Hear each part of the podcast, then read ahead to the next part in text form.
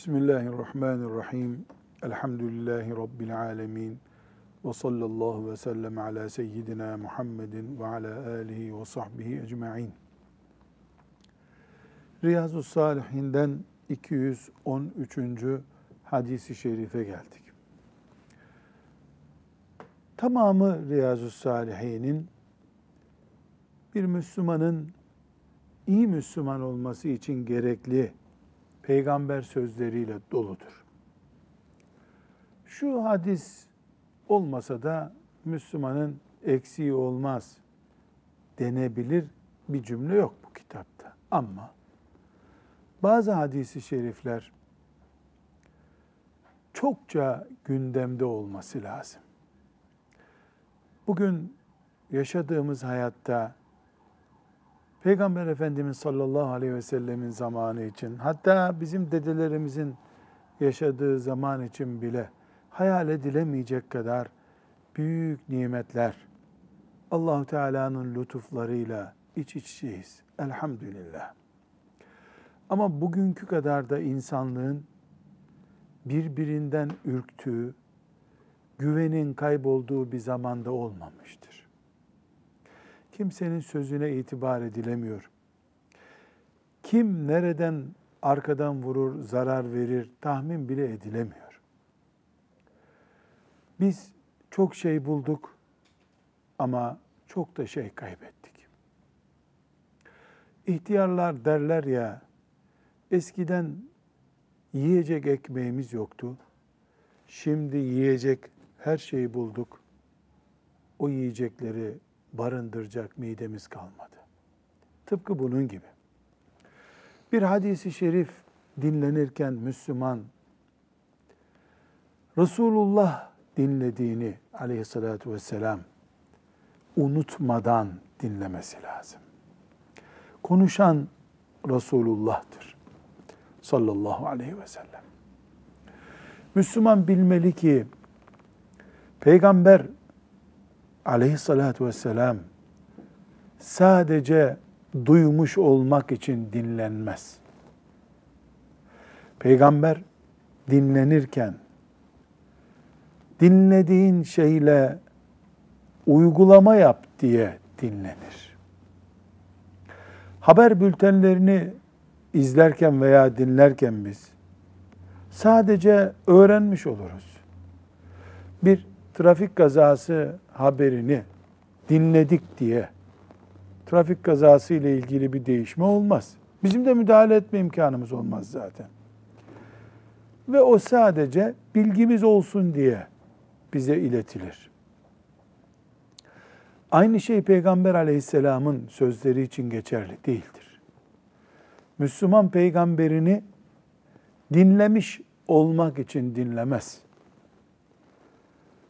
Eğer bir Müslümanın bir hadis dinledikten sonraki hayat tarzı, sözleri, davranışları o Müslümanın o hadisi dinlemesinden öncesine göre farklılık göstermiyorsa oturup Müslümanın kendisiyle ilgili derin düşüncelere dalması gerekir. Şöyle bir benzetme yapmayı faydalı buluyorum.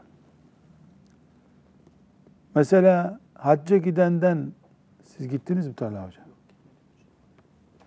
İnşallah en yakın zamanda gidersin. Hacca gidenden ne beklenir?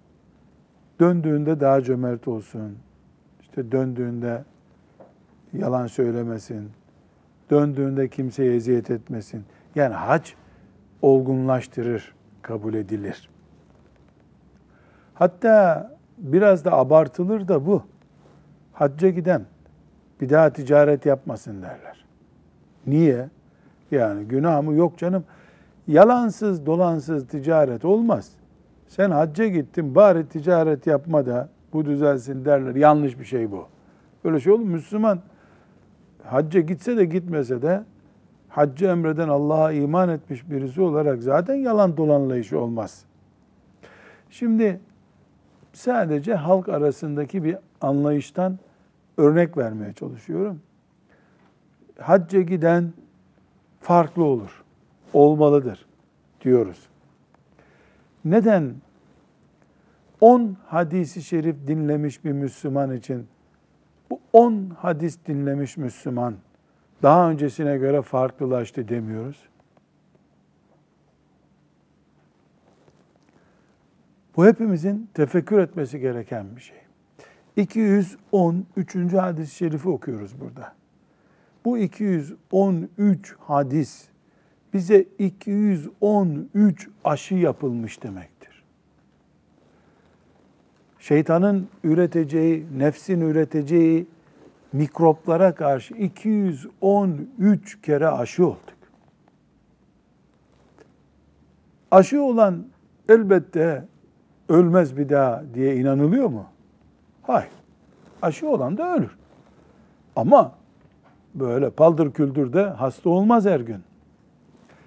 Biz eğer Resulullah sallallahu aleyhi ve sellem Efendimizin hadisi şeriflerini bir aşı gibi görsek, o hadisten önceki ve sonraki hayatım diye ayrım yapabilsek var ya, alimallah sahabilik hariç, yani Ömer olur çıkarız bu dünyada.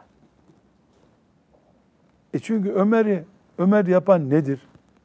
Dinlediği bir ayettir. Dinlediği bir hadistir. E ben de o ayeti dinliyorsam, o hadisi şerifi dinliyorsam, e benim de Ömerleşmem lazım.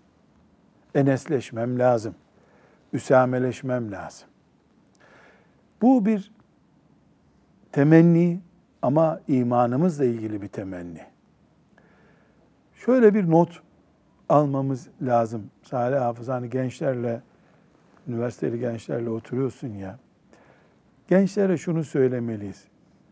500 tane hoca dinledin, dinlemedin. Çok önemli değil ha. Konferans bunun neticesi. Ama Peygamber sallallahu aleyhi ve sellem'den bir hadis dinledin. Kur'an-ı Azimuşşan'dan bir ayet tefsiri dinledin. Yani senin saat 14'te bunu dinlediysen, 16'da diyelim dinlediysen, 20'de dinlediysen, değil bir sene öncesine göre, o dinlediğin saat kaç? 14'te dinledin. 13.50'ye göre sen artık farklı bir Müslüman olmalısın. Aşı bu ya. Aşı yapılmış sana. Mikroplara karşı sen bağışıklık sistemin güçlendirilmiş yüzlerce kere hadis dinleyip yüz santim ilerlememek bir eksikliktir. İmanımız takviye olmalı.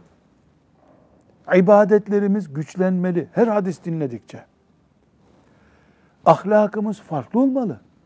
Şimdi mesela bu 213. hadisi şerifi dinlediğim günden önce ve dinlediğim günden sonra diye hayatımızı ikiye bölmek zorundayız. Vesselam milat olmalı.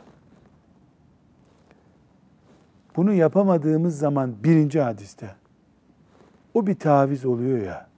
İblis bundan öyle bir yatırım yapıyor ki 500 hadis daha dinlesen bir işe yaramıyor. Onun için gençlere şunu söyleyeceğiz. Hiçbir hadis, hiçbir ayet senin için ertelenebilir bir aşı değildir. Mesela filan ayeti dinlediğimden beri namaz kaçırmam. Allah ne güzel. Filan hadisi şerifi dinlediğimden beri bir hadis-i şerifi dinlediğimden beri ağzımdan bir kelime yalan çıkmamıştır. Ya bu bu zamanın sahabesi gibi bir adam maşallah. Burada e, üzülerek ve içimiz burukularak bir hakikat var. Yüz hadis okunsa bir yerde onun oluşturduğu etkiden daha fazlasını sesi gür bir hoca, bir şeyh, bir siyasetçi konuştuğunda sağlıyor. Şu hadisi şerifleri dinlemek için toplanalım derken 10 kişi bulabiliyorsun. Bağırıp çağıran sesi gür bir hoca 30 kişi buluyor. Bu da şeytanın nüfuz ettiği deliklerden birisi işte. Yani ben bir hadis dinledikten sonra benim hayatım o hadise göredir diyemediğimiz için zamanında iblis bu açığımızı biliyor. Teberrüken lütfedip de hadis dinlettiriyor bize.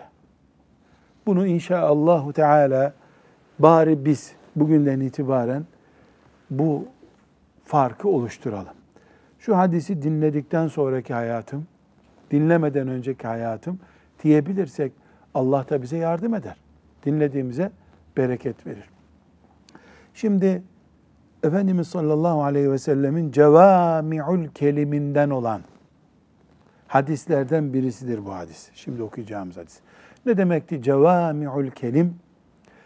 Az kelimeyle çok anlam ifade etmek demek.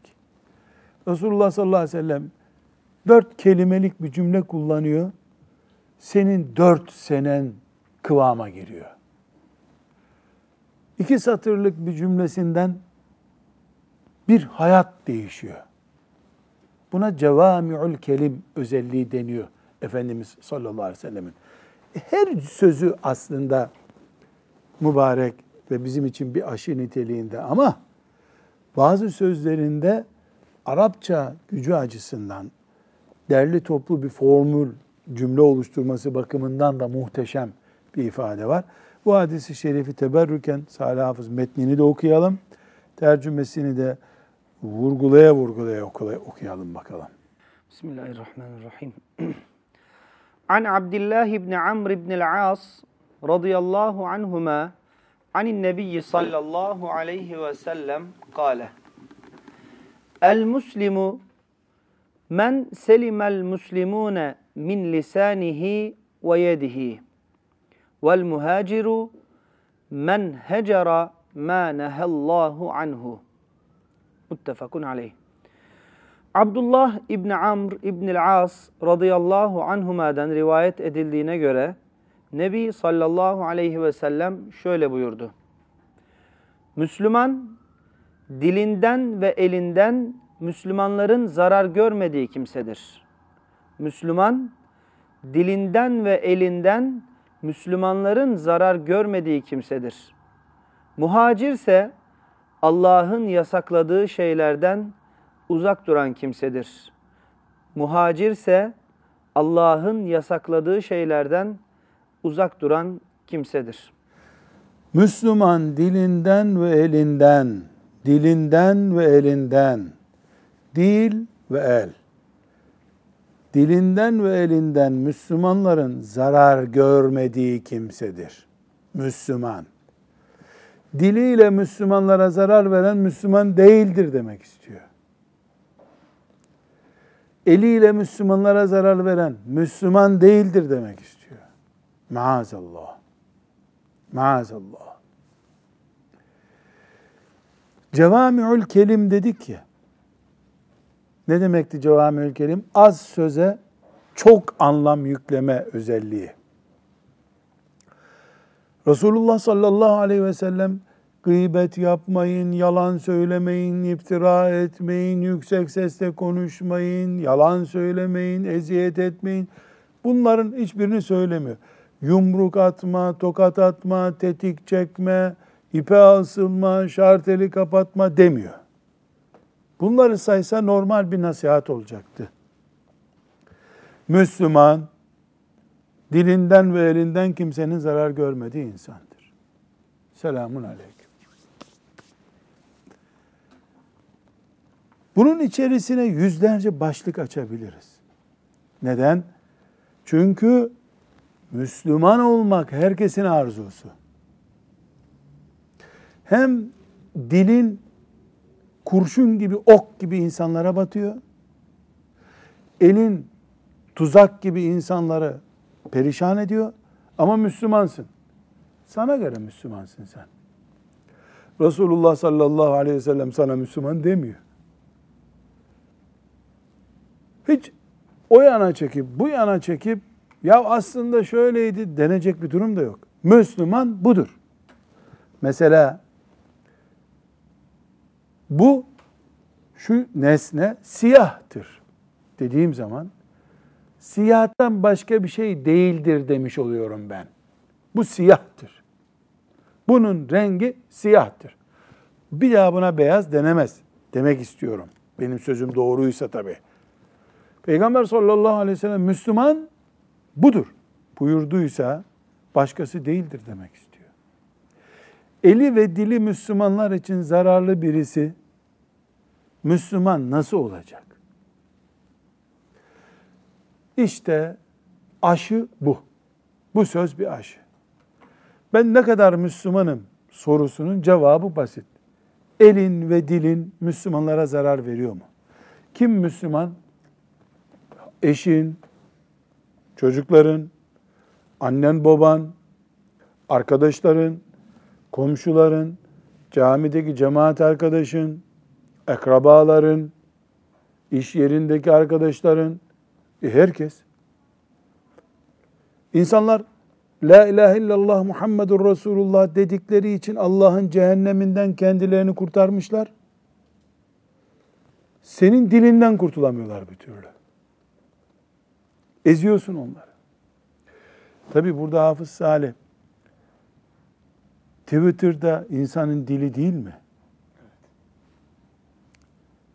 Mesaj yazıyorsun. O da bir dil çeşidi. Sosyal medya, sosyal dil hocam aynı zamanda. So- Yani insanlar belki yüz yüze konuştuklarından fazla sosyal medyadan konuşuyorlar artık. Değil mi? Bir insanın fabrikada 8 saat çalışan birisinin kaç kelime konuştuğunu kabul edelim arkadaşıyla. Onun bir Twitter'ına, diğer sosyal medyasına bakıyorsun. Adam binlerce kelime kullanmış. Dolayısıyla sosyal medyada olsa ne olursa olsun senin dilinin yerine geçen her şey de dilin senin. Müslüman dilinden ve elinden Müslümanların zarar görmediği insandır. Müslümanlığın alametiymiş. El güvenliği, dil güvenliği. Dili ve eli güvenli adam diye kanun koymuş. Sallallahu aleyhi ve sellem Efendimiz. Biz hangi bölümü okuyoruz Riyazu Salih'inde? Zulüm. Zulüm okuyoruz. Zulüm kelimesi geçti mi burada hadiste? Bir okusana bakalım Hafız Salih siyah puntolu yeri. Zulüm geçiyor mu burada? Müslüman dilinden ve elinden Müslümanların zarar görmediği kimsedir. Muhacir ise Allah'ın yasakladığı şeylerden uzak duran kimsedir. Zulüm var mı bu kelimelerde? Evet doğrudan yok hocam. Yok. Ama demek ki dille yapılan eziyet bir zulüm çeşidi. Onun için bu hadisi şerif peygamberimin sözü olduğuna göre aleyhissalatü vesselam bunu dinledikten sonra ben ya kimseye bir borcum var mı diye deftere baktığım gibi kimseye dilim zarar vermiş mi benim? Elim zarar vermiş mi diye de bir muhasebe yapmam lazım. Çünkü Peygamber sallallahu aleyhi ve sellem dilimden kaynaklanan, elimden kaynaklanan yanlışları ne yapıyor? Zulümden sayıyor ve Müslümanlıkla ilgili gösterge olarak görüyor. İkinci cümlede ne var? Muhacir ise Allah'ın yasakladığı şeylerden uzak duran kimsedir. Peki bir dakika. Muhacir ne demek? Mekke'den Medine'ye hicret eden demek diyoruz. Yani dini için, din, dinini daha iyi yaşamak için baba toprağını, evinin barkının olduğu yeri terk eden insan demek. En büyük muhacir kim? Resulullah, Resulullah sallallahu aleyhi ve sellem. O da hicret etti çünkü. E, kızını gönderdi, muhacir etti. Kendisi muhacir oldu. Burada ne buyuruyor? Asıl muhacir Allah'ın haramlarını terk eden adamdır diyor. Demek ki Mekke'den Medine'ye gitmek yetmiyor. Gittiğin yerde haramları terk edeceksin. Allah Hekimoğlu İsmail Bey'e sıhhat ve afiyet versin, ömrüne bereket versin. İman selameti ona da bize de nasip etsin. Onun ta 90'lı yıllarda bir röportajda kullandığı bir cümle vardı. Mübarek bir cümle. Demişti ki bu zamanın hicreti evde televizyonlu odayı bırakıp televizyonsuz odada oturmaktır demişti. Çünkü televizyon haramlara kapı açıyor. Becerip onu bıraktın mı haramlardan kurtuluyorsun. Bu bir hicrettir demişti. Allah selamet versin. Çok güzel bir tespit. Şimdi Mekke'den Medine'ye hicret edilmesini hicret işte bu da Allahu Teala el muhacirin diye başlıyor Kur'an-ı Kerim'de değil mi? Kaç tane ayette muhacirlerle? Yani faziletlerini anlatıyor. Efendimiz sallallahu aleyhi ve sellem cevami'ül kelim hadisi şerifinden de bir yön gösteriyor. Ne buyuruyor? Muhacir dediğin haramları terk edendir. Maazallah insan Mekke'den Medine'ye hicret etse de orada haram olan şeyleri aynen yapsa e ne, ne farkı kaldı? Niye hicret ettin o zaman olur? Demek ki biz e, Müslümanlık göstergesi olarak el ve dil güvencesi, muhacirlik göstergesi olarak da haramları terk diye bir ölçü öğrendik. Resulullah sallallahu aleyhi ve sellem Efendimiz'den. Ve bu hadis şöyle başlamıyor. Ey Müslüman ümmetim benim. Bundan sonra hepiniz eliniz ve diliniz açısından böyle olun. Muhacirliğin de gerçek manası budur. Böyle başlamıyor. Ama çok açık bir şekilde hadisi şeriften ne anlaşılıyor? Müslüman olduktan sonra da Müslümanlık arasında bir derece farkları var demek ki. Müslümanın diliyle bu derece ölçülüyor. Biraz böyle çağdaş bir ya da halk vari bir şey söyleyeyim de kaç paralık Müslüman deniyor yani. Bu ölçüm yapılabiliyor. Çok basit. Eşinden sorulur, çocuklarından sorulur, komşularından sorulur, iş arkadaşlarından sorulur. Onun dilini nasıl güvenli görüyorlar mı, görmüyorlar mı? Elini güvenli görüyorlar mı, görmüyorlar mı? Böylece Müslümanlığının puanı bulunur. Efendimiz sallallahu aleyhi ve sellem ümmetini sıradan Müslümanlık düzeyinden bu eli, dili, güvenli Müslümanlık yükselişine davet ediyor demek ki. Sallallahu aleyhi ve sellem. Bu hadis-i şerifin özelliği o. Buradan bir şey daha anlaşılıyor. Müslümanlık insanlar için yapılmış bir iman mıdır? Yok. Biz Allah'a iman ediyoruz. Allah'a teslim olduk, Müslüman olduk biz. Biz iyi Müslüman derken imanında sorun olmuyor. Cennete cehenneme şüpheyle bakmayan, Kur'an-ı Kerim'e hak kitap olarak teslim olan adam demek anlıyoruz. Hadis-i şerif ise açıkça bize diyor ki sen gerçek Allah'ın samimi kuluysan Allah'ın diğer kullarına da zarar vermeyeceksin. Bu hemen anlaşılmıyor mu Hafız Salih şeriften?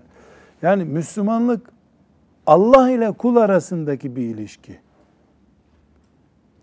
Ama Allah ile kul arasındaki bu ilişki kullar arasındaki ilişkiye de yansıması gerekiyor.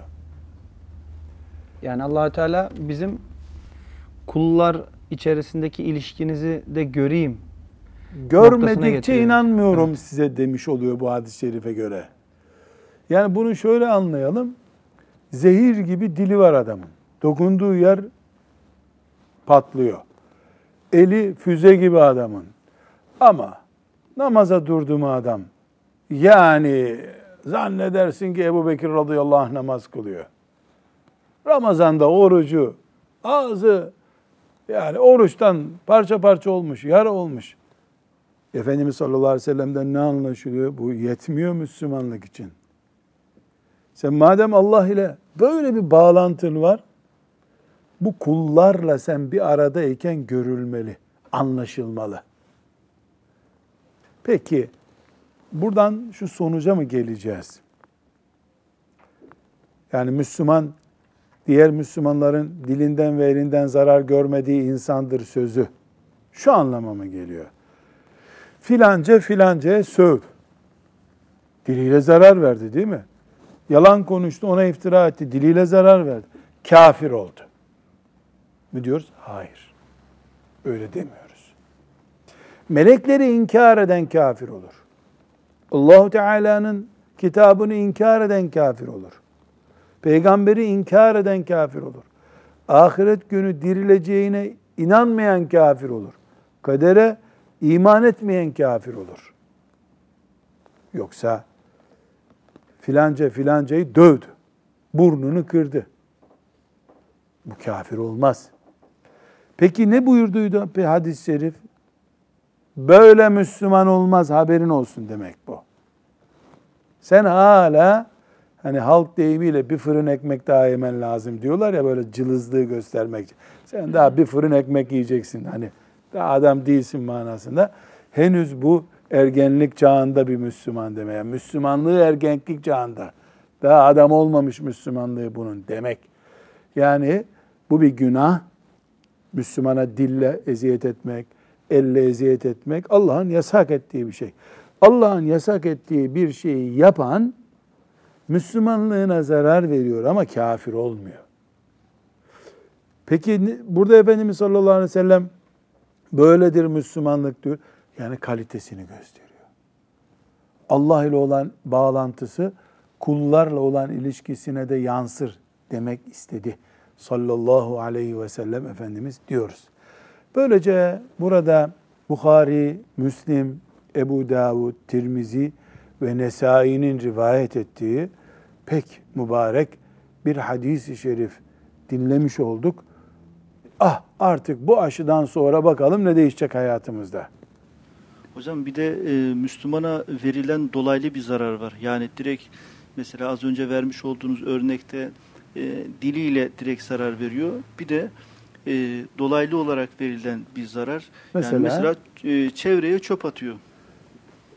Elle veriyor. İşte Dolaylı değil ki. e, yani birebir olarak değil de dolaylı olarak Şimdi bu hadisi şerifte Efendimiz sallallahu aleyhi ve sellem insan eylemlerini dil ve ele kilitliyor.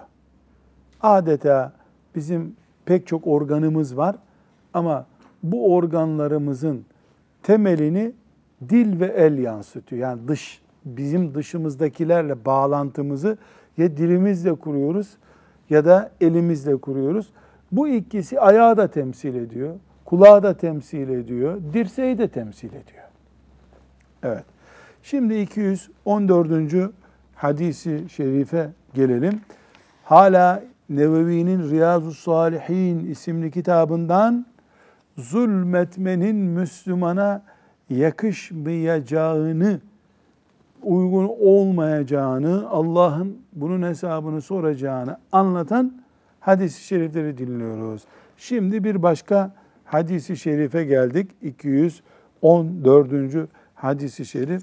Bu hadis-i şerifin tercümesini okuyalım Hafız Salim. Yine Abdullah İbni Amr İbni As radıyallahu anhuma naklediyor. Şöyle dedi. Nebi sallallahu aleyhi ve sellemin seferde bazı yükleme hizmetlerini gören ve kendisine kirkire denilen bir adam vardı. Adam öldü. Bunun üzerine Resulullah sallallahu aleyhi ve sellem o cehennemdedir buyurdu. Sahabe gelip adamın evindeki eşyalarına baktılar. Ganimet malından çaldığı bir aba buldular. Bu hadis-i şerifimiz Bukhari'de ve İbn-i Mace'de geçiyor değil mi? Hafız Salih bence e, yani böyle uzun gibi geldi. Şu Nebi sallallahu aleyhi ve sellem'den bir daha oku dikkatimiz toplansın bakalım. Nebi sallallahu aleyhi ve sellemin yolculukta bazı yükleme hizmetlerini gören ve kendisine kirkire denilen bir adam vardı. Adam öldü. Bunun üzerine Resulullah sallallahu aleyhi ve sellem o cehennemdedir buyurdu. Sahabe gelip adamın evindeki eşyalarına baktılar. Ganimet malından çaldığı bir aba buldular. Ben gene özetleyeyim. Aba ne demek? Kalın kalın kumaş. aba. Yani böyle üzere cübbe gibi giyilen bir şey değil mi? Sadece kumaşın adı mı aba? Yani biz öyle biliyoruz ama herhalde o dönemde böyle bir taraftan da İsa'nın üstüne aldığı pardüse gibi, parke gibi kullanılan Parke gibi eşyaya. değil. Yani kolları olmayan böyle battaniye gibi üzerine atılan bir şey düşünelim. 2 metrekare kumaş. Kalın 2 metrekare kalın kumaş diyelim buna. Bunun bir benzerini şimdi Araplar giyiyorlar böyle tören kıyafetinde giyiyorlar. Biraz şeye de benziyor bu. Bizim çobanların giydiği şeye ne denir? Böyle çobanları çuha mı? Neyse işte öyle bir şey. Ya iki metre bir battaniye kadar bir kalın kumaş. Kirkire isimli zat sahabeden Peygamber Efendimiz yolculuk yaparken devesinin eşyasını yüklemeyi, bindirmeyi görev almış birisi. Yani ashab-ı kiramdan. Peygamber Efendimiz sallallahu aleyhi ve sellemin hizmetinde bulunmuş. Var mı bundan büyük şeref? Yani abdest suyunu taşımış Efendimizin. Yiyeceğini taşımış. Ölmüş.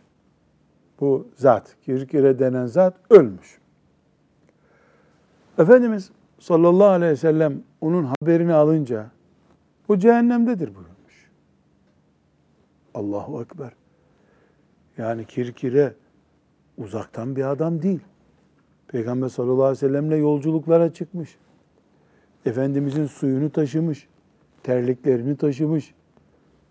Abdestinde su dökmüştür muhakkak. Ya bu cehennemdedir. Ashab-ı kiram çok merak etmişler. Yani dışarıdan gelen böyle dün Müslüman olmuş biri olsa hiç merak etmeyecekler. E, zaten bu şüpheli adamdı diyecekler. Merak edip evine gitmişler bu kirkirenin. Bakmışlar ki evde işte o bahsettiğimiz battaniye gibi bir şey. Bunu cihattaki ganimet mallarının henüz dökümanı yapılıp devlet istatistiğine geçmeden önce bunu el altı etmiş. Buna şimdi kamu malından almış diyelim daha iyi anlaşılsın.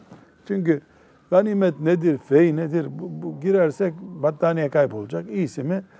E, kamu malından tutmuş böyle bir battaniye gibi bir şeyi sümen altı etmiş.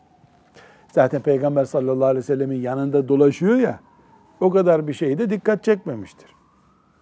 Anlamış ki ashab-ı kiram, Allah onlardan razı olsun. Resulullah sallallahu aleyhi ve sellem yanında dolaşan bir adam için cehennemdedir buyurduysa ortada büyük bir hata var. Durup dururken bu adam cehenneme niye girecek? Bu hata da nedir? Onu araştırmışlar. E, evde içki olabilirdi değil mi? Alkol olabilirdi. Nikahsız bir kadınla evde oturuyordu. Böyle bir kabahat merak edip evle, evine gitmişler. Bakmışlar ki ganimet mallarından henüz devlet istatistiğine girmeden yani üzerine devlet seri numarası vurulmadan el, el konmuş ona. Bu hadisi şerif hangi bölümde Riyazu Salihinde? Zulüm. Zulüm bölümünde. Bu adam zalim şimdi. Ne yaptı da zalim oldu? Biz zalim hep Hitler'e diyorduk değil mi? Demek ki kamu malından haksız yapılan, elde edilen bir şey bir zulüm çeşidi demek ki. O da bir zalim demek. Bu hadis bize çok dersler veriyor. Bir, ashab-ı kiram da Allah onlardan razı olsun. Peygamber sallallahu aleyhi ve sellemin eşyalarını taşıyan, ibriğini taşıyan insan olabilirdiler, oldular. Ama bir beşer çocuğuydular. Melek değildiler. Hata etmeleri mümkündü. Bu kirkire radıyallahu anh da bu hatayı yaptı. Aldığı şey aba denen şey neticede bir kamyon battaniye değil. Kim bilir zavallı bu atılacak nasıl olsa bunu alayım diye almıştır. Atılacak demiştir. Yani böyle bir matematiksel değeri olan bir şey değil.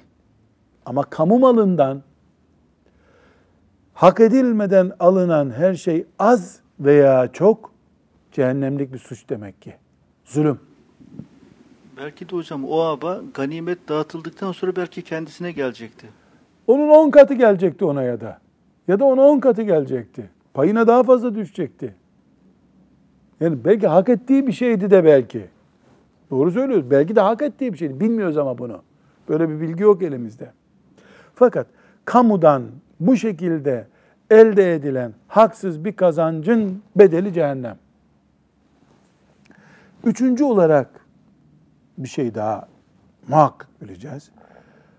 Haşa, maazallah. Kafirdir bu adam demedi Efendimiz sallallahu aleyhi ve sellem. Ne buyurdu?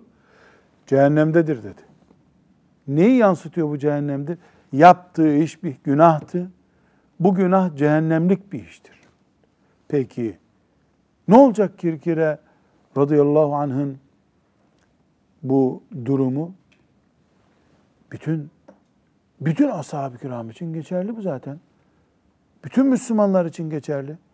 Günah işleyen tövbe edip giderse, Allah tövbesini kabul ederse temiz gidecek. Bu zat demek ki tövbe etmeden gitti.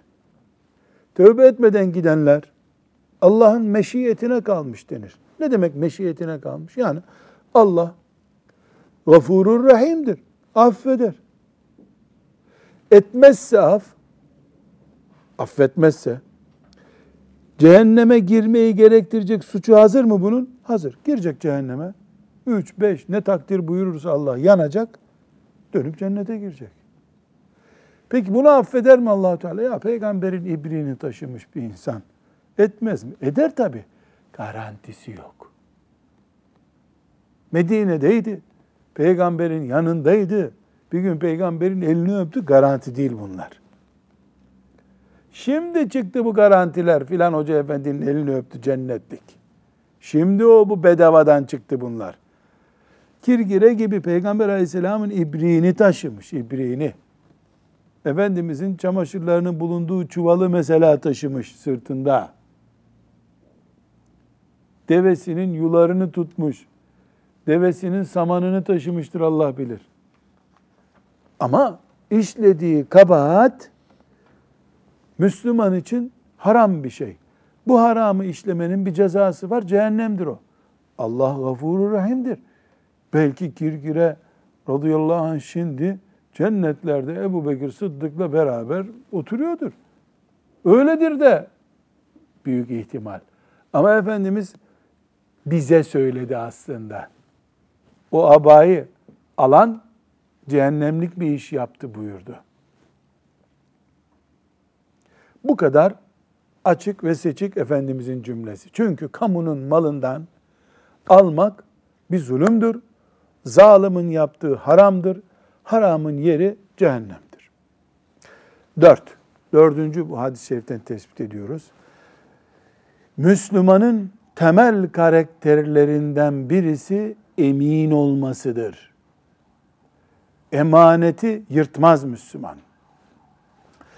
Kirkire radıyallahu anh peygamberin yanında dolaşan biri olarak kimse ondan şüphelenmedi bu abayı alır götürür diye.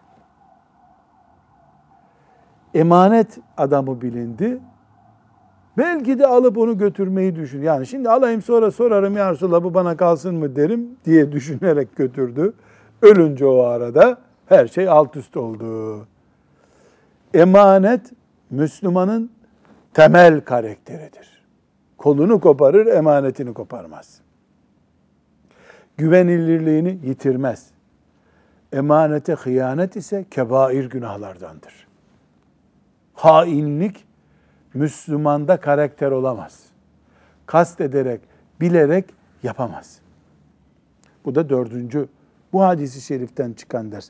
Beşinci olarak bir şey daha çıkıyor bu hadis-i şeriften. Demek ki Resulullah sallallahu aleyhi ve sellem Allah'ın bildirmesiyle bazı gayb haberler veriyordu ashab-ı kirama.